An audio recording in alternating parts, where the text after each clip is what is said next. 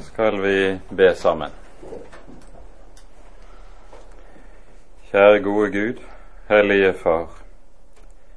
Så takker og lover vi deg igjen for all din nåde og for all din godhet imot oss. Takk, Herre vår Gud, du som er vår skaper, at du har skapt oss til deg. Takk, Herre Jesus, du som er vår frelser. Takk at du ga ditt eget liv i vårt sted. Herre Hellige Ånd, du som er vår trøster og helliggjører. Takk at du dag etter dag åpenbarer Guds nåde og ser til ditt folk her på jorden. Nå ber vi, Herre, kom du, vær hos oss i kveld. Kom du og la oss få ha lys i dine ord. Lær oss, Herre, å forstå hva du taler, at vi også kan frykte deg og følge deg. Det ber vi for Jesus skyld, og takker og lover deg, Herre, fordi du er god, og din miskunnhet varer til evig tid. Amen.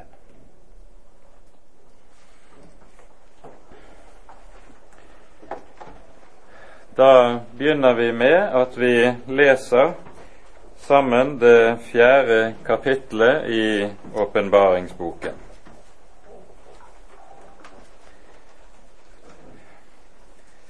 Deretter så jeg og se, det var en dør åpnet i himmelen, og den første røst som jeg hadde hørt, like som av en basun som talte med meg, sa:" Stig opp her, og jeg vil vise deg det som skal skje heretter. Straks var jeg bortrykket i ånden, og se, en trone var satt i himmelen, og der satt en på tronen. Og han som satt der, var å se til like som sjaspis og sardasten, og det var en regnbue rundt omkring tronen å se til, like som en smaragd. Og rundt omkring tronen var det 24 troner, og på tronene så jeg 24 eldste sitte, kledd i hvite klær og med gullkroner på sine hoder. Og fra tronen går der ut lyn og røster og tordner, og foran tronen brenner syv ildfakler, som er de syv Guds ånder. Og foran tronen er det like som et glasshav, lik krystall, og midt for tronen og rundt om tronen er det fire livsvesener, fulle av øyne for og bak. Og det første livsvesen er lik en løve det annet livsvesen er lik en okse. Det tredje livsvesen har et åsyn som et menneske, og det fjerde livsvesen er lik en flyvende ørn. Og de fire livsvesener har, hver især av dem, seks vinger rundt omkring, og innenfor er de fulle av øyne, og de holder ikke opp dag eller natt med å si:" Hellig, hellig, hellig er Herren Gud, den allmektige, Han som var, og som er, og som kommer. Og når livsvesenene gir ham som sitter på tronen, han som lever i all evighet, pris og ære og takk. Da faller de 24 eldste ned for ham som sitter på tronen, og tilber ham som lever i all evighet, og kaster sine kroner ned for tronen og sier:" Verdig er du, vår Herre og Gud, til å få prisen og æren og makten, for du har skapt alle ting, og fordi du ville det, var de til og ble de skapt. Amen.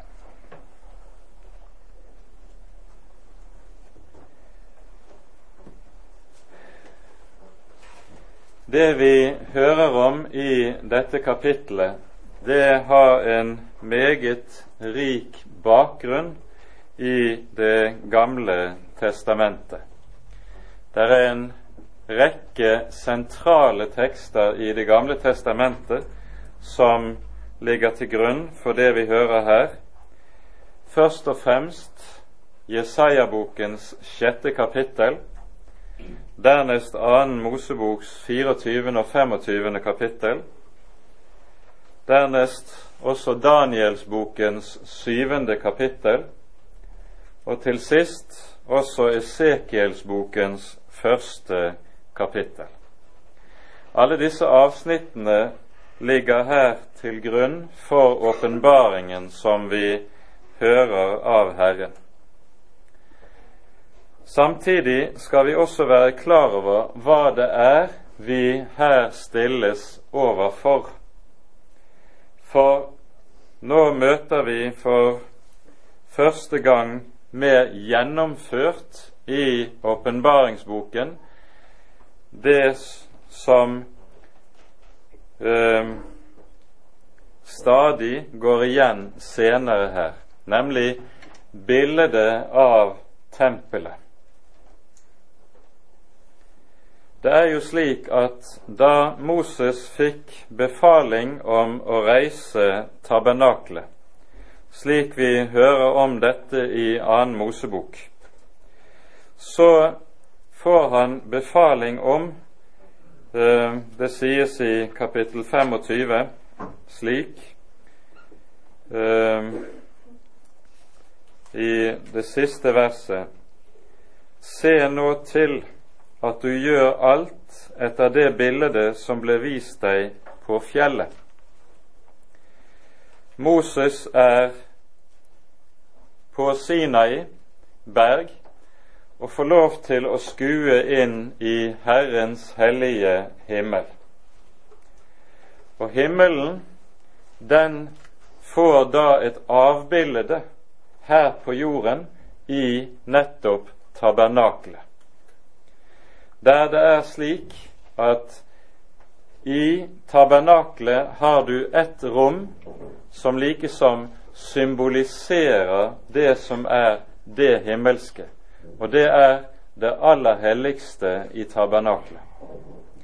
Det aller helligste, der er Guds trone. Guds trone står i himmelen. Og der i det aller helligste der sto jo her på jorden nådestolen med kjerubene som var smidd i drevet gull på lokket på nådestolen. Og nettopp kjerubene, som vi også møter her i det fjerde kapittelet i åpenbaringsboken, de er det som utgjør Guds trone. Vi leser i 2. Mosebok 25 slik. Vi hører fra omtrent midt i kapittelet hvorledes nådestolen beskrives, også med kjerubene, og så står det slik i vers 21 og 22. Så skal du sette nådestolen ovenpå arken og i arken skal du legge vitnesbyrdet jeg vil gi deg. Og jeg vil komme sammen med deg der, fra nådestolen, mellom begge kirubene som er på vitnesbyrdets ark, vil jeg tale med deg om alt det jeg vil by deg og si Israels barn. Og I tråd med dette kalles Herren en rekke steder utover i Det gamle testamentet rett og slett Han som troner over kirubene.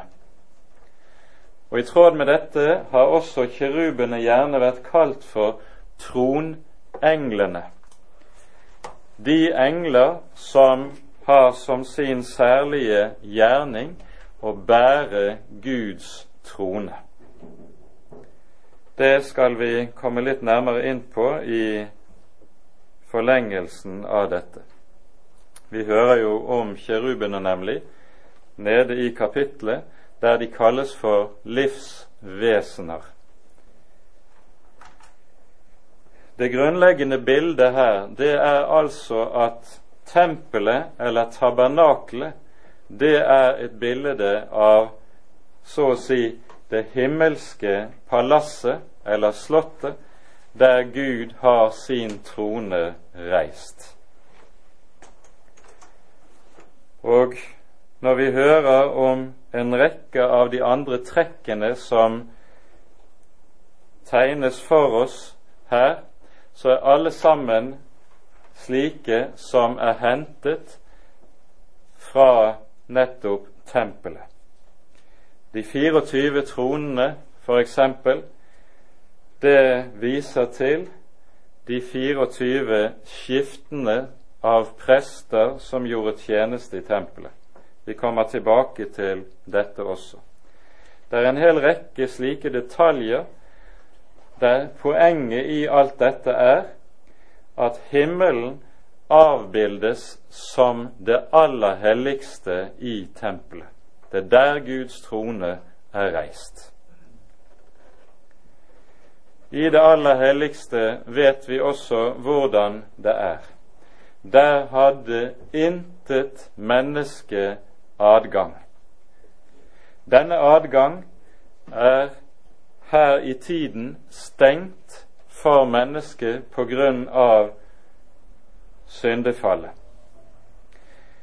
Derfor sies det også i annen Mosebok, når Moses i kapittel 33 hører vi ham be til Herren om å få se Herrens herlighet.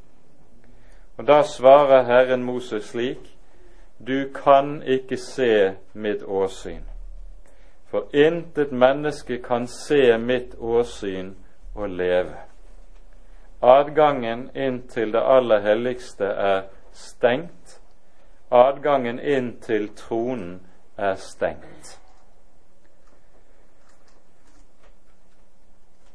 Så er det da at Johannes nå får se at døren og veien inn dit nå er åpen. Deretter så jeg, sier han, der var en dør åpnet i himmelen. Det vil si, døren inn i det aller helligste er nå åpnet.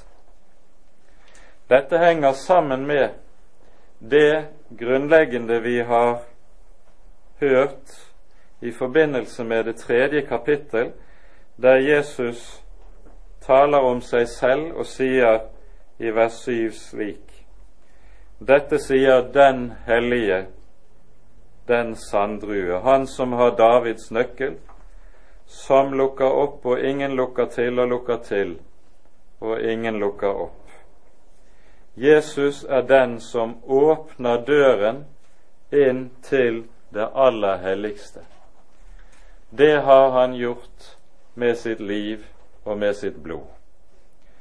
Det er jo noe av det sentrale budskapet i Hebreabrevet, og i denne sammenheng minner vi bare om de par versene i Hebreabrevet kapittel 10.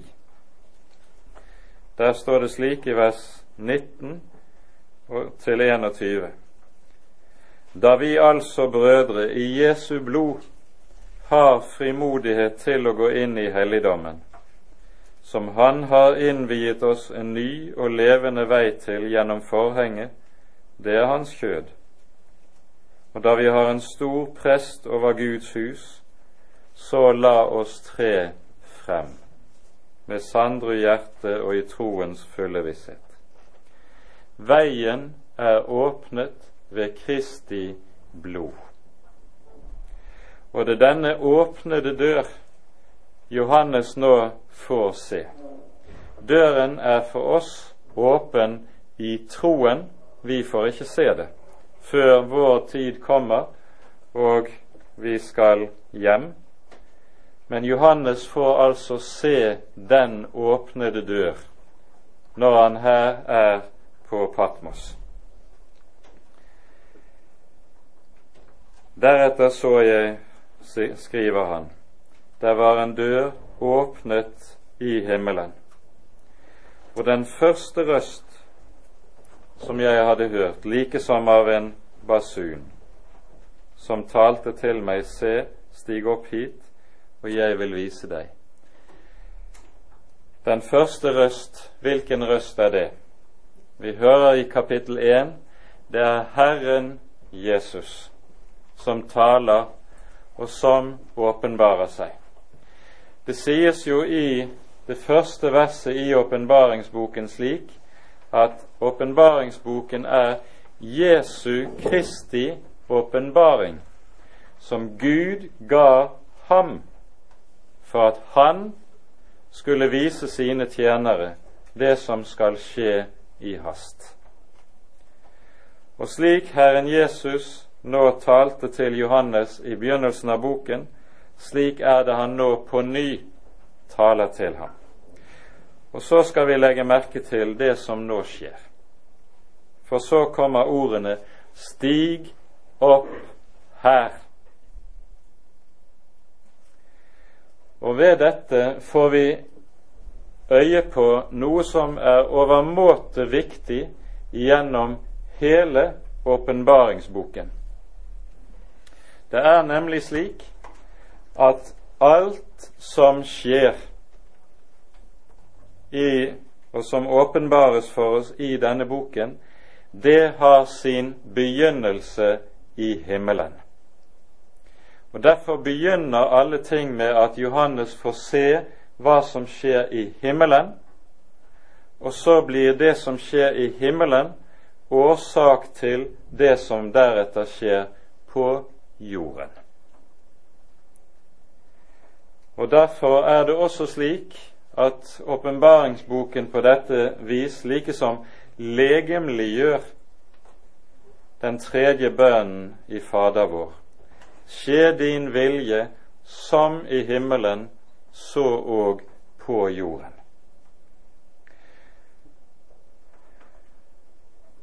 I denne sammenheng kunne vi kanskje også minne om at når det i Første Moseboks første vers står disse ordene I begynnelsen skapte Gud himmelen og jorden. Så stiller noen av de jødiske lærde spørsmålet til dette verset. Hvorfor skaper Gud himmelen først, og så jorden deretter? Jo, svarer de, Gud handler som en vis byggmester, som før han kan reise huset, legger han grunnvollen.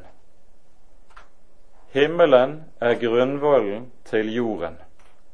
Det er det som de vil si med dette.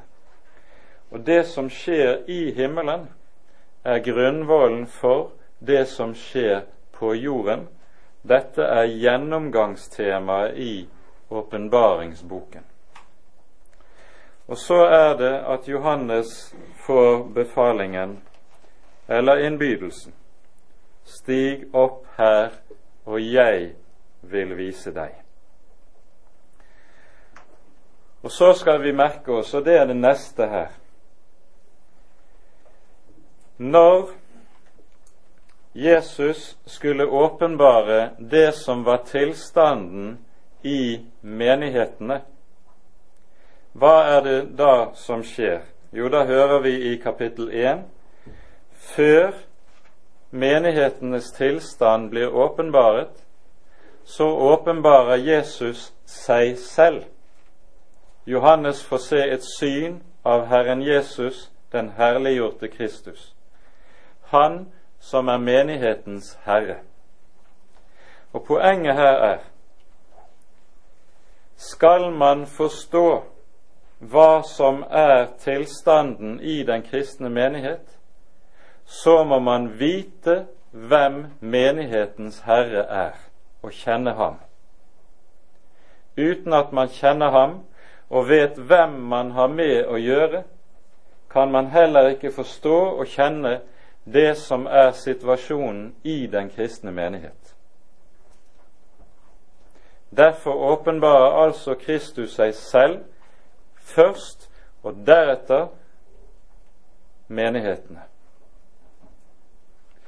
Så kommer vi til neste del av boken. Med kapittel fire begynner nemlig den del av åpenbaringsboken der det taler om det som skal skje, ikke lenger om det som er.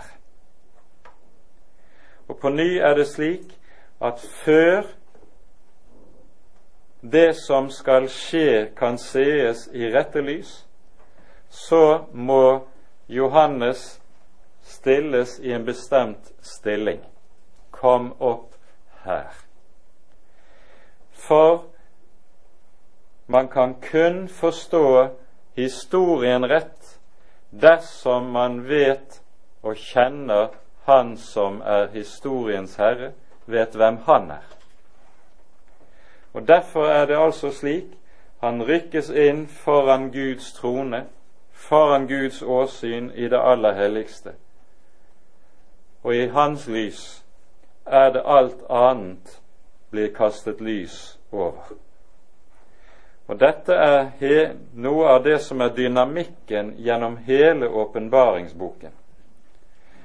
Og Slik ser vi at hver ny åpenbaring, hvert nytt trinn i den fremadskridende åpenbaringen, begynner alltid med tilbake til himmelen, tilbake inn for Guds trone, før lys kastes over det som kommer her i historien. Og dette skal lære oss noe som er en grunnsannhet etter Guds ord.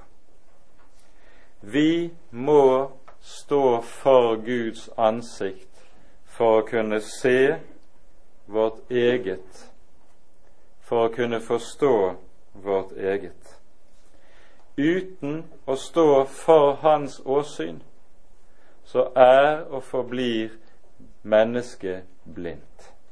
Derfor lyder det altså dette Stig opp her.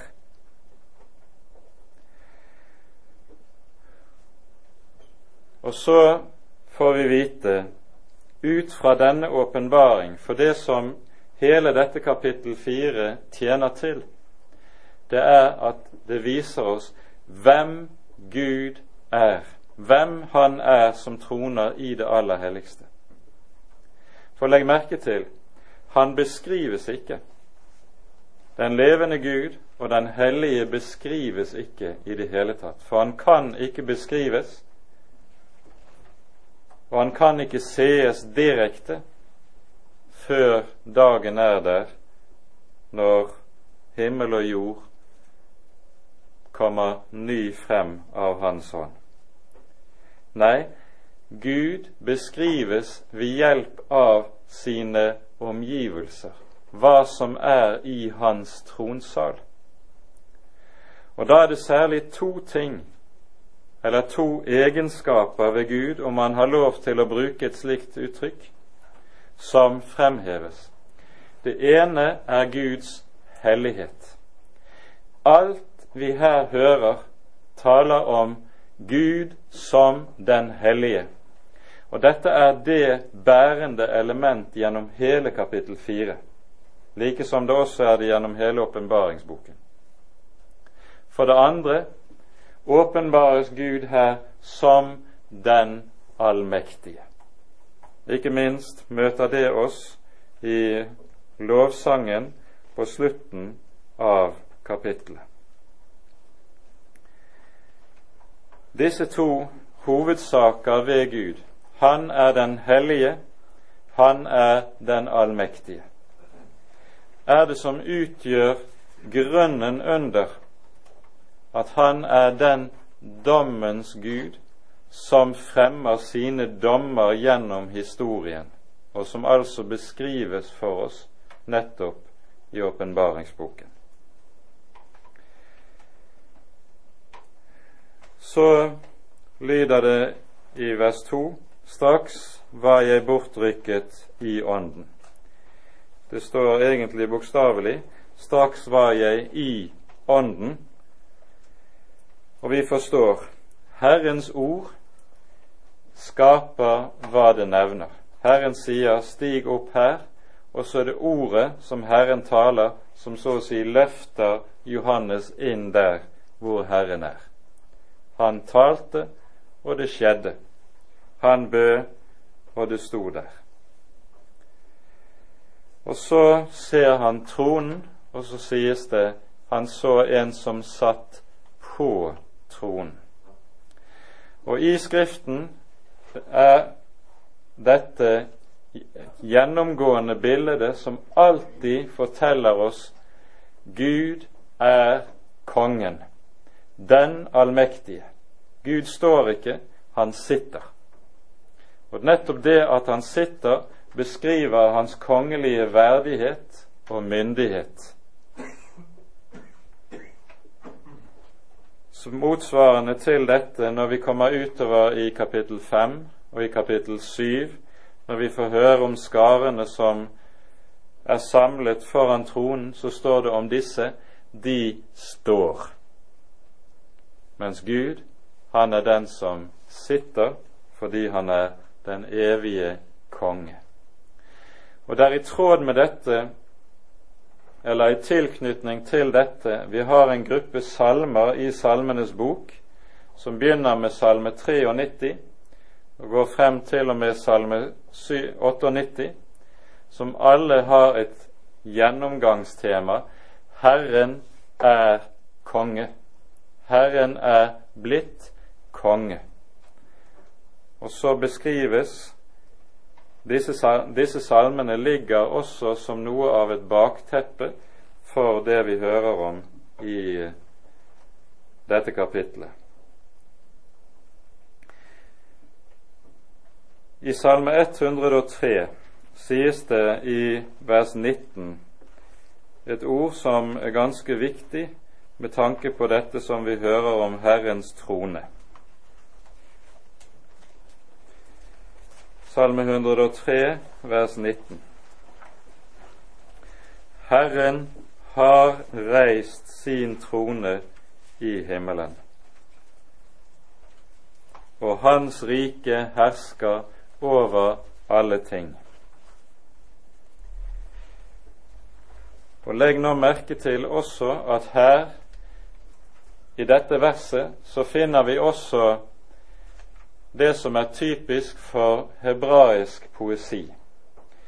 Hebraisk poesi det har ikke bokstavrim eller ordrim, sånn som vi har det i vår poesi ofte, i hvert fall i eldre poesi, men det har tankerim.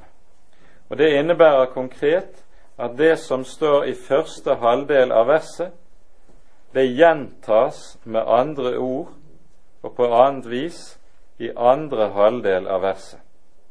Så når det altså i første halvdel av verset står 'Herren har reist sin trone i himmelen', så kunne du stille deg spørsmålet hva betyr det? Jo, Hans rike hersker over alle ting. Det er tankerim som går igjen i svært, svært meget av den hebraiske poesien som kan være nyttig også å være klar over. Og så sies det han som satt der var å se til, like som Sjaspis og Sarder. Og nå beskrives ikke Gud, men det sies ord like som. Og så er det edelstener som dras inn som noe som skal anskuelig gjøre. Hva er det som kjennetegner edelsten? Til forskjell fra gråstein så er edelstein en gruppe stener som er slik de har krystallisert på en sånn måte at de evner å samle lys, og derfor også reflektere lys på en helt særlig måte, som gir dem en skjønnhet og en lysglans som ingen andre stein har. Det er lyset som gjør edelstenene til så spesielle stener som de er. Og så er det nettopp her i lyset vi nå befinner oss. For det er nettopp lyset som kanskje er det fremste kjennetegnet på den levende Gud når han omtales i Skriften. I 1. Timotius 6,16 sies det om ham han bor i et lys dit intet menneske kan komme eller nå. Hos ham bor lyset, og går du til Salme 104, som følger umiddelbart på tronversene i Salme 103, sies det om Herren at han hyller seg i lyset som i en kappe. Det er innenfor dette lys Johannes nå rykkes, og får se Han som troner over kirubene. Omkring ham er det en like som en regnbue, hører vi. Regnbuen er i Bibelen også et meget viktig symbol. Vi møter dette i Første Moseboks niende kapittel. Etter syndfloden hører vi Herren si at han setter regnbuen i skyen som et tegn på den pakt han gjør med menneskenes barn. En pakt at han aldri mer skal ødelegge jorden ved flom, sånn som det skjedde i Noas dager. Regnbuen symboliserer denne nådepakt som Herren slik inngår med menneskeheten. For når Herren nå inngår denne pakt, så er det en pakt som ikke er betinget av noe fra menneskets side. Han lover sin nåde, sin oppholdelse av skaperverket, helt ubetinget og setter regnbuen som tegn på dette i skyen. Vi har et underlig ordspill i forhold til dette noen par steder i Det nye testamentet, der det tales om Guds mangehånde nåde. Første Peters brev kapittel fire møter vi f.eks. det uttrykket. Det, dette ordet som er oversatt med mangehånde, det betyr egentlig bokstavelig mangefarget. Guds mangefargede nåde. Og vi forstår det regnbuebildet, nådepakten, som ligger bakom dette uttrykket.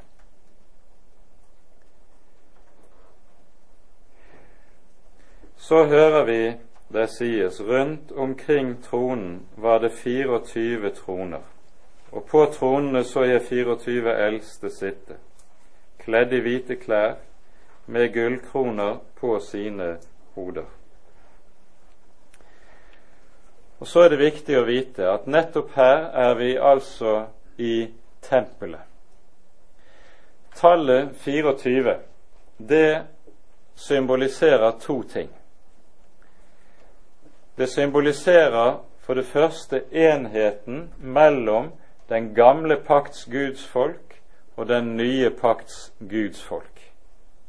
Den gamle pakts Guds folk sprang jo ut av Jakobs tolv sønner og ble til de tolv stammer i Israel. Den nye pakts Guds folk er bygget på de tolv apostler som Herren Jesus kalte og utvalgte. Og så er det disse 24 til sammen som symboliseres med de 24 troner som her står. For det annet så var det slik at når tempeltjenesten på Davids tid ble ordnet på, eh, på systematisk vis, så ble prestenes tjeneste inndelt i skift. Og de ble da inndelt i 24 skift, som så skulle gjøre tjeneste gjennom året. Når en prest fra ett skift så skulle gjøre tjeneste, så skulle han reise opp til Jerusalem og være i tjeneste i én uke, så reise hjem igjen, og så neste halvår reise opp igjen på ny og gjøre tjeneste i én uke. Da får vi 48 uker. Hva så med de resterende fire, fire ukene i året? Jo, det var de ukene der Israel feiret de store høytidene. Påsken, pinsen, eh, forsoningsdagen og løvhyttefesten. Da skulle hele presteskapet, alle de 24 skiftene, også være til stede i tempelet. Så de 24 24-tallet det sikter til disse som altså er satt til å gjøre tjeneste i helligdommen. Når vi hører om disse, at de er kledd i hvite klær, så er det ikke bare rettferdighetens klesdrakt som dette symboliseres ved, men det er også prestens embetsdrakt. Den vanlige prest han var, skulle nettopp være kledd i en lang, hvit kjortel av lin. Og det er denne drakten vi hører disse her er ikledd. Når det sies om disse at de også har kroner av gull på sine hoder, så skjønner vi hva symbolikken bakom her er. For på ny er vi tilbake i Mosebøkene, der vi hører i 2. Moseboks 19. kapittel, når Moses kommer ned fra berget, får han befaling om å si til folket dersom dere tar vare på mine ord og min pakt, da skal dere være meg et kongerike av prester og et hellig folk. Det er det kongelige presteskapet. Og så var det da slik at de som var prester i helligdommen, de var like som forbilder på for folket hva det ville si å være det kongelige presteskap som gjorde tjeneste for den hellige Gud. Dette er på ny noe av bakteppet ifra tempeltjenesten i Jerusalem. Fra tronen går der ut lyn, røster og tordener, og foran tronen brenner syv ildfakler, som er de syv Guds ånder. Det vi hører om her, det er noe som går igjen en rekke steder i Den hellige Skrift. Vi minner f.eks. om uh, Danielsbokens syvende kapittel, der Daniel også blir rykket inn for Herrens trone i himmelen. Og så sies det slik i Daniel 7 fra vers 9 av.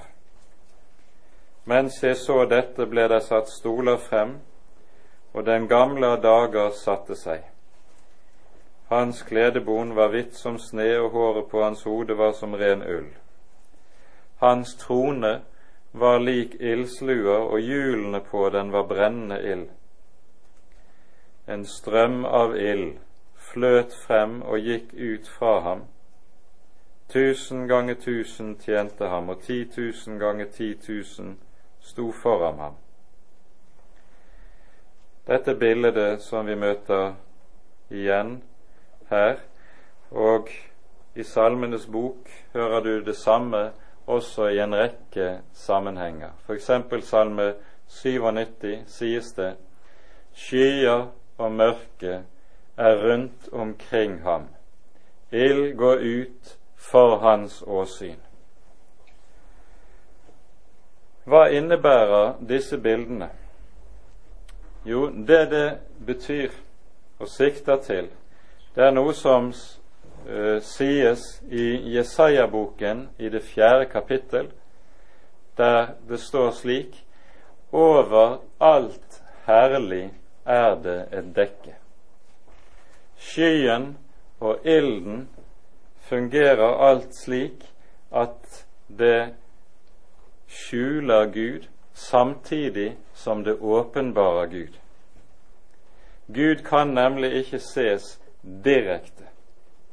Og så står dette der, som Jesaja sier, over alt herlig er der et dekke.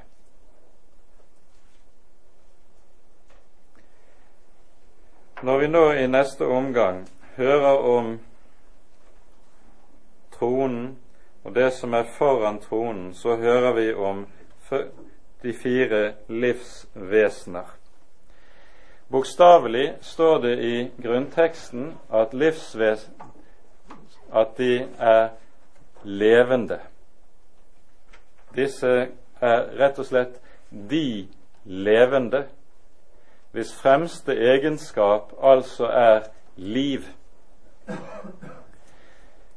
Og her er vi fremme ved en annen side ved det som Skriften her åpenbarer om Gud. Hos deg er livets kilde, sies det i Salme 36. Dette anskueliggjøres for oss på en helt særegen måte i, i eh, fortellingen om paradiset i Første Moseboks kapittel 2. Der fortelles det nemlig at ut av hagen renner det en elv som så deler seg i fire grener. Hagen er så å si en kilde. Og Her møter vi altså et særegent trekk. For enhver annen hage her i verden har det med seg at du må føre vann inn i hagen for at det skal bli liv og vekst. Du må tilføre vann for at det kan bli fruktbarhet og blomstring. Men den hagen som er Guds hage, der er det motsatt. Her renner kilden åpent og blir en kilde for all jorden omkring. Og slik er dette symbolisert med at de som står Gud aller nærmest, er de levende. Livet utgår derfra. Liv er nemlig, slik Bibelen taler om det, aldri noe som vi har.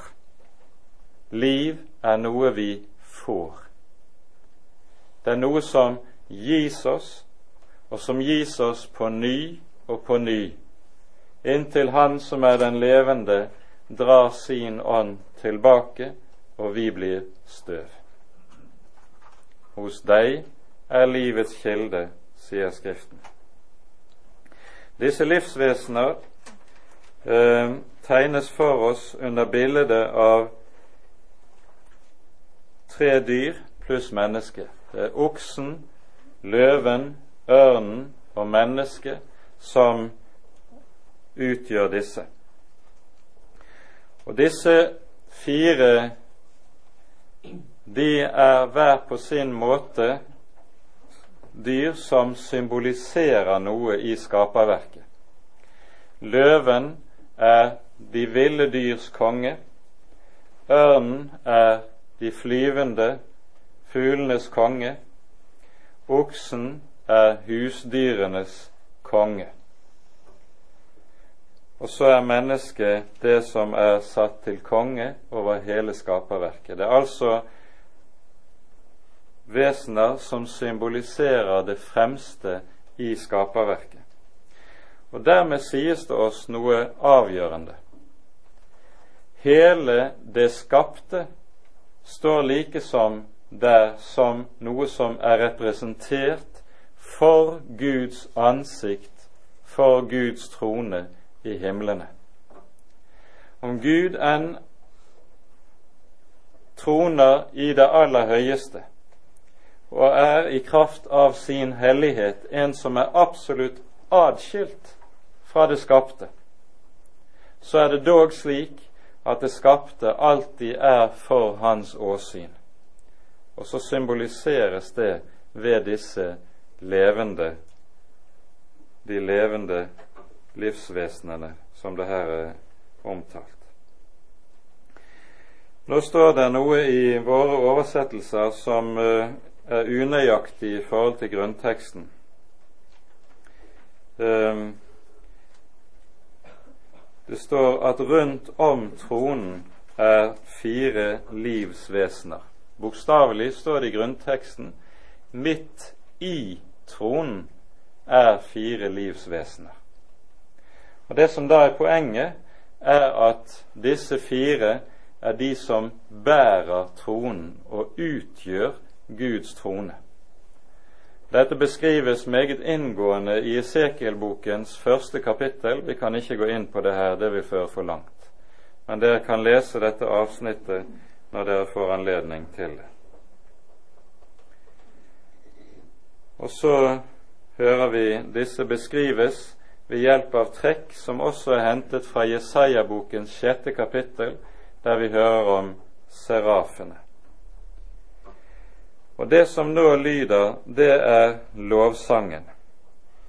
De holder ikke opp dag eller natt med å si Hellig, hellig, hellig er Herren, herskarenes Gud, den allmektige, Han som var og som er og som kommer.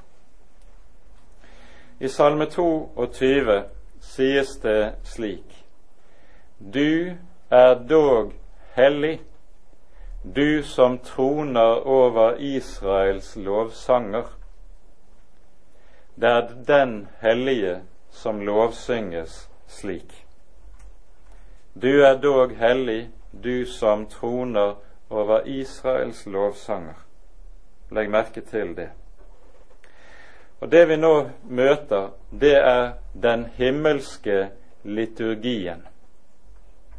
For her har vi en himmelsk gudstjeneste som vi får se etter hvert som vi kommer utover i åpenbaringsboken, stadig rikere glimt inn i, der tilbedelsen og lovsangen er en grunnstamme i, gjennom hele åpenbaringsboken.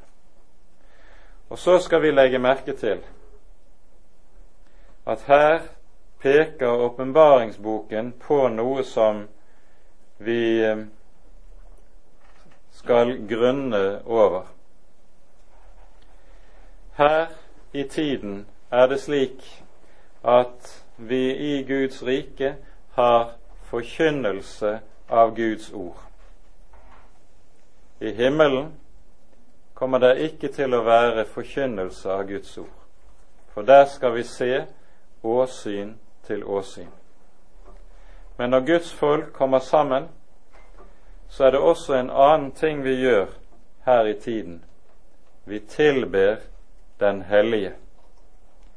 Tilbedelsen skal ikke opphøre forkynnelsen skal opphøre. Og i all evighet skal den himmelske gudstjeneste lyde og klinge i takksigelse og tilbedelse overfor Han som er den hellige.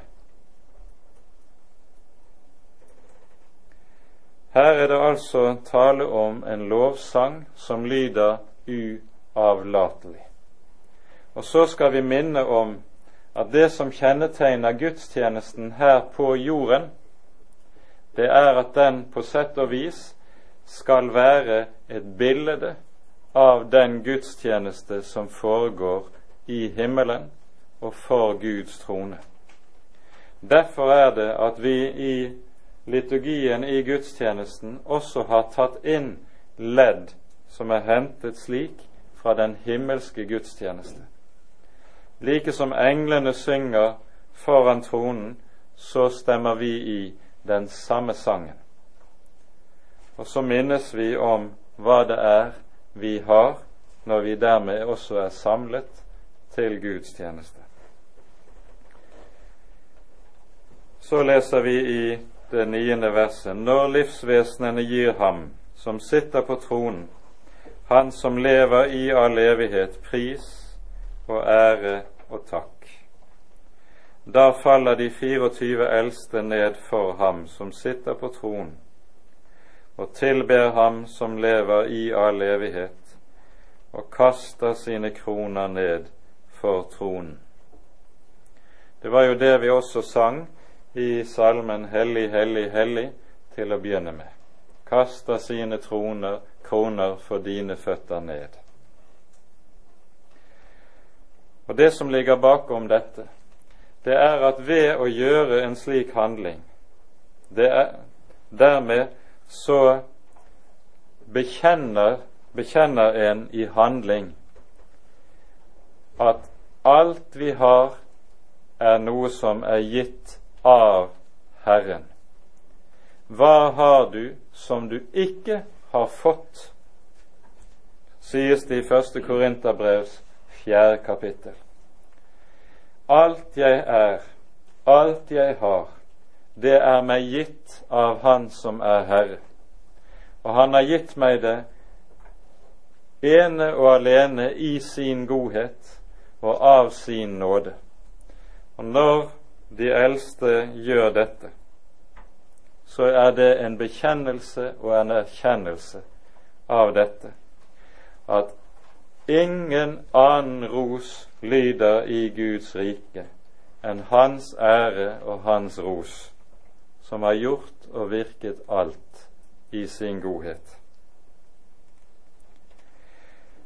Når vi hører at de kaster seg ned for ham, så er det nettopp det som ligger i ordet tilbedelse. Både det hebraiske ordet for å tilbe og det greske ordet som vi finner i Det nye testamentet for å tilbe, betyr bokstavelig å kaste seg ned på sitt ansikt foran. Og det er det tilbedelse er. Det er å kaste seg på sitt ansikt foran Han som er Herren. Og så skal vi vite at nettopp dette er det som er hele skaperverkets store mål. Det sies oss i Filippabrevet i det andre kapittelet. Her leser vi slik det er det avsnittet hvor vi hører om Kristi fornedrelse og opphøyelse. Her sies det altså sånn Derfor har Gud høyt opphøyet ham og gitt ham det navn som er over alle navn, slik at i Jesu navn skal hvert kne bøye seg, dere som er i himmelen, og på jorden og under jorden. Og hver tunge bekjenne at Jesus Kristus er Herren, til Gud Faders ære. Det vi skal merke oss i denne sammenheng om dette ordet, det er at her beskriver apostelen hva som er målet for hele skapningen. Hele skapningen har sitt mål i dette, at den en dag skal bøye kne og, og samstemt bekjenne Kristus Jesus er Herre, til Gud Faders ære. Dermed får vi også se en annen sak som er ganske så grunnleggende, nemlig at det å bekjenne, det er kanskje et av de mest grunnleggende uttrykk for tilbedelse. Det er viktig å ha det perspektivet på trosbekjennelsen som vi f.eks. bekjenner hver søndag i kirken. Trosbekjennelsen er ikke bare en bekjennelse som avlegges for mennesker, så vi så å si avlegger regnskap for vår tro og vil si 'dette er hva vi tror'. Nei, trosbekjennelsen er også en grunnleggende tilbedelse innenfor den levende Gud, der vi erkjenner og tilber Ham som den Han er.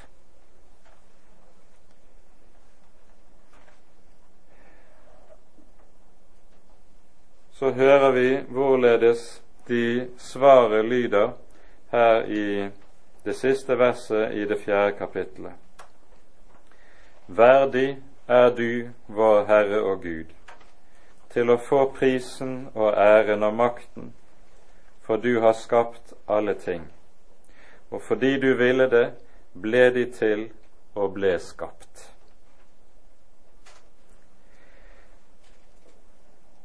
Her er det slik at vi ser et annet trekk som også går igjen i våre gudstjenester når vi er samlet for Guds ansikt. Vekselsangen. For nettopp her hører vi først hvorledes de levende stemmer i sangen til den trefoldige hellige. Og så kommer gjensvaret fra de eldste og På denne måten så ser vi også hvordan dette er et kjennetegn, et karakteristisk trekk gjennom hele åpenbaringsboken at tilbedelsen foregår som vekselsang mellom ulike grupper av mennesker, av engler eller av tronengler. Det neste som vi merker oss her, det er at når Gud Herren her lovprises, så er det først og fremst hans gjerning som skaperen. I det neste kapittelet, når vi kommer til kapittel fem, så lovprises han som frelseren. For her stilles lammet frem for oss, og lammet gjør gjerningen som frelser ved å kjøpe menneskeheten fri med sitt blod. Men her, her lovsynges Gud som skaperen. Fordi du ville det, var de til og ble de skapt. Dermed pekes det på nettopp allmakten. For når åpenbaringsboken tegner Gud for oss som historiens Herre og historiens Gud, den som har hele verdensforløpet i sin hånd, så har dette én bestemt grunn han er skaperen. Fordi han er skaperen, er han den allmektige. Fordi han er skaperen, er det ingenting som er ham for vanskelig. Fordi han er skaperen, er han den som helt uinnskrenket råder og hersker over alle ting. Og så er det altså ved siden av hans allmakt også hans hellighet som understrekes i dette avsnittet. Til sist Gud ble i det åttende verset gitt et bestemt navn. Hellig, hellig, hellig er Herren Gud den allmektige, Han som var, og som er, og som kommer. Og så hører vi om Skaperen her i det ellevte verset. Det er jo slik at i åpenbaringsboken så hører vi om igjen og om igjen at Herren enten kalles han, han, som er, og som var, og som kommer, eller han kalles begynnelsen og enden, eller alfa og omega. Og da er hemmeligheten denne, at like som Gud er begynnelsen, den som har skapt alle ting og er alle tings opphav, på samme måte er han alle tings ende og mål. Og like sikkert som han har skapt alle ting i begynnelsen, like sikkert skal han også fullføre og fullende alle ting, slik at historien også skal nå sitt endelige mål. I det ligger grunnen til den kristne menighets håp. Han som er vår Herre, er historiens herre. Når vi skal se senere ut i åpenbaringsboken mye av disse veldige omveltninger og katastrofer som skal ramme skaperverket etter hvert, så skal dette minne oss og lære oss dette grunnleggende. At det går slik i historien, innebærer ikke at Gud har mistet kontrollen. Det innebærer ikke at det er djevelen som er herre over alle ting. Nei, Gud er både alfa og omega. Og Derfor kan også den kristne menighet i møte med de ting som skal skje, frimodig ta Jesu ord til hjertet når han sier:" Når dere ser alt dette skje, da løft deres hode, for deres forløsning stunder til. Han er alfa og omega. Like sikkert som han er skaperen, så er han også fullenderen. Og så behøver Guds folk aldri å fortvile om det enn er nokså mørkt her i verden og her i tiden. Og det skal vi vite, at nettopp dette poenget er hovedårsaken til at Gud har gitt oss åpenbaringsboken. Amen. Ære være Faderen og Sønnen og Den hellige ånd, som var og er og være skal en sann Gud, høylovet i evighet.